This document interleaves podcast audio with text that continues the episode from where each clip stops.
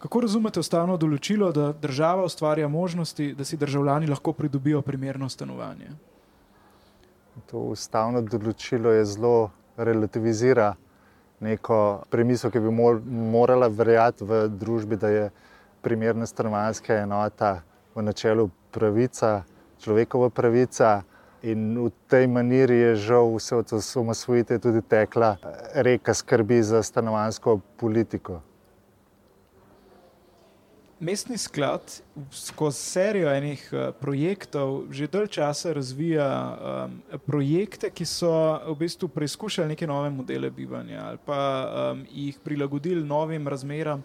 Kako gledate na uh, ulogo sklada kot na razvijalca novih modelov, ne samo uh, novih arhitekturnih in družbenih, mogoče celo infrastrukturnih modelov za mesto, um, ne samo kot zagotovlja, zagotovljalca um, osnovnih bivalnih enot?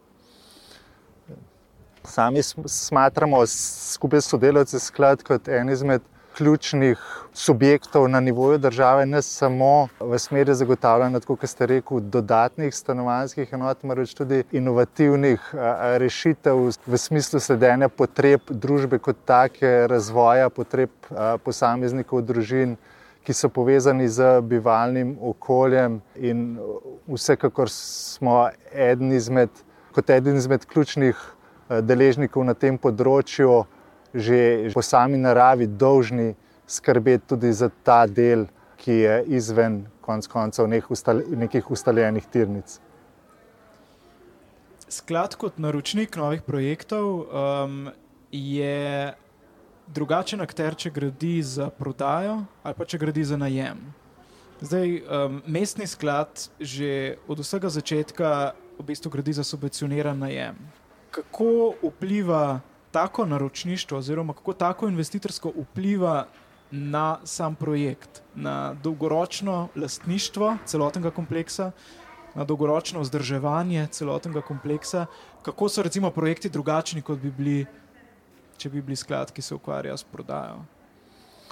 Vsekakor gledamo na, na svojo investicijsko dejavnost interdisciplinarno in skrbimo na eni strani za bivalno ugodje posameznikov in družin, na drugi strani smo dolžni zasledovati tudi neko ekonomsko učinkovitost. Žal, in temu posledično so tudi projekti v tem trenutku, glede na pomankanje in glede na potrebe, nekoliko izgubljeni. Sam bi si želel, da so naši projekti bistveno bolj energetsko učinkoviti, bistveno bolj bogati z skupnimi prostori za preživljanje prostega časa naših stanovalcev.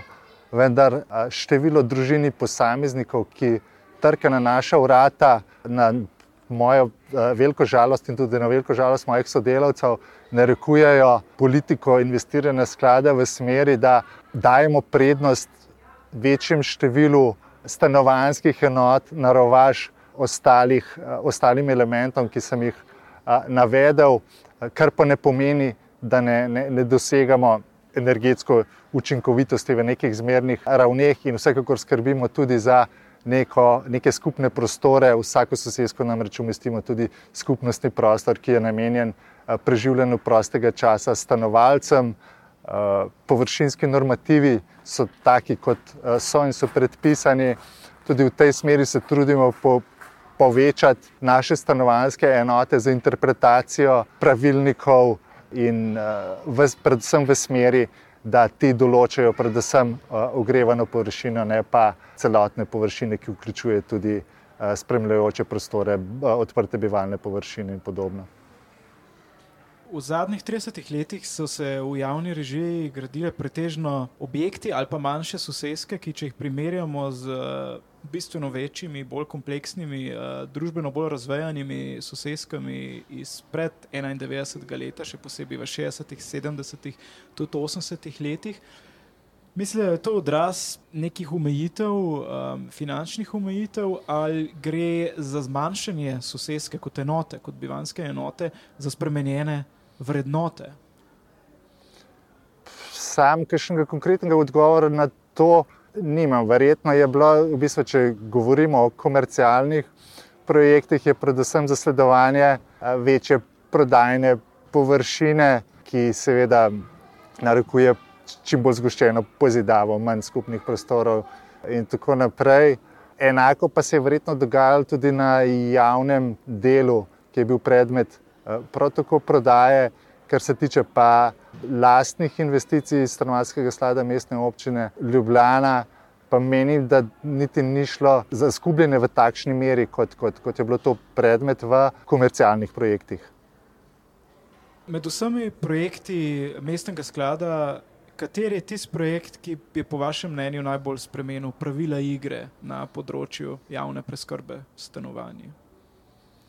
Sam menim, da so recimo, ena izmed novejših sosedsk, sosedska na Jakopičevi, a, ki je bila zgrajena pred 25 a, leti, je v neposrednji bližini a, centra mesta, v Ljubljanici in v okviru fonda s katerim razpolagamo in kjer, kjer je sosedska, kolikor toliko a, zaključena celota v naši lasti. Menim, da je ta sosedska ena izmed tistih, ki je kazala, da javna najemna, neprofitna, socialna ali kako koli že jih imenujemo, stanovanja ne sodijo a, zgolj na obrobje mest, a, da to niso a, a, stanovanja, ki so. Manj kvalitetna, da to niso stanovanja, ki so v smislu odprtih bivalnih površin, skromna, In uh, menim, da to je ena izmed uh, modelov, uh, ki, je, ki je nekoliko, nekoliko pokazal v, v drugo smer.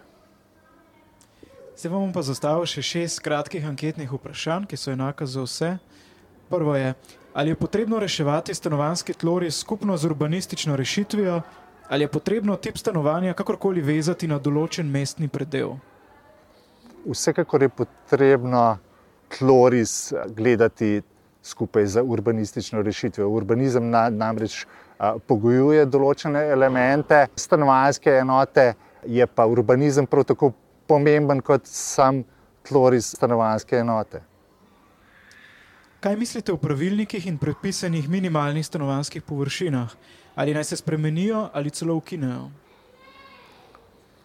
Sam menim, da, da sprememba na povečanje normativov je potrebna v smislu zagotavljanja enakopravnih pogojev za vse najemnike, pa uh, menim, da neki normativi še vedno morajo obstajati. Ali mislite, da so pogoji za to, da lahko pričnemo z gradnjo resnično racionalnih in dobrih stanovanj, nove tehnologije in materijali? Če da, kateri? Sam menim, da ni nobene uvire za za uh, kakršno koli inovativno uh, rešitev in, in nove tehnologije. Sam menim, da ne prinašajo kakšnih bistvenih, oziroma ne prinašajo kakšnih bistvenih prednosti, ki bi omogočili kaj več. Je število sob ali uporabna površina sploh še relevantno merilo uporabnosti stanovanja? Je sploh še smiselno graditi majhna stanovanja? Sam menim, da, da potrebujemo pester stanovanjski fond sobnosti je vsekakor pomembna, še toliko bolj pomembna ob površinskih normativih, ki so sedaj v veljavi in potrebe po neki zasebnosti v družini. Skladi imajo omejena sredstva. Ali je v času stanovanske krize pametneje ta sredstva vložiti v gradnjo večjega števila zasilnih ali manjšega števila bolj kvalitetnih, optimalnih enot? Vredno je vzdrževati neko a, a, ravnovesje. Če govorimo o neprofitnih a, stanovanjih in a, bivalnih enotah, je temu nedvomno tako. Vsekakor mora biti prednost dostojna stanovanska enota, ki zagotavlja dostojno življenje, komorkoli že biva v njej. In še zadnje vprašanje, bi morali po pandemiji stanovanja načrtovati drugače?